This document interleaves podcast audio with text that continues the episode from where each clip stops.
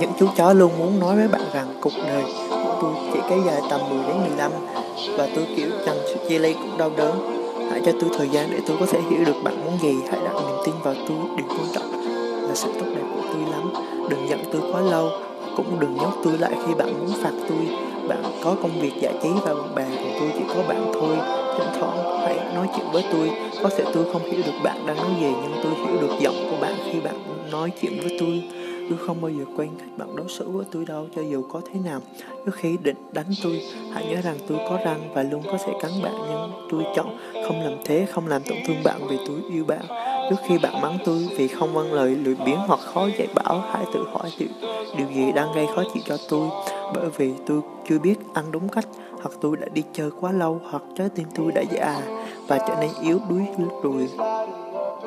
Hãy chăm sóc cho tôi khi tôi già nhé khi bạn cũng sẽ già thôi. Hãy ở lại với tôi cho đến phút cuối đời. Đừng nghĩ rằng mình không thể chịu đựng được khi chứng kiến sự ra đi của nó. Hay mình nên bắn mặt khi điều ấy xảy ra vì tôi sẽ cảm thấy dễ dàng độc nhận. Cái chết hơn nếu có sự có mặt của bạn ở đó.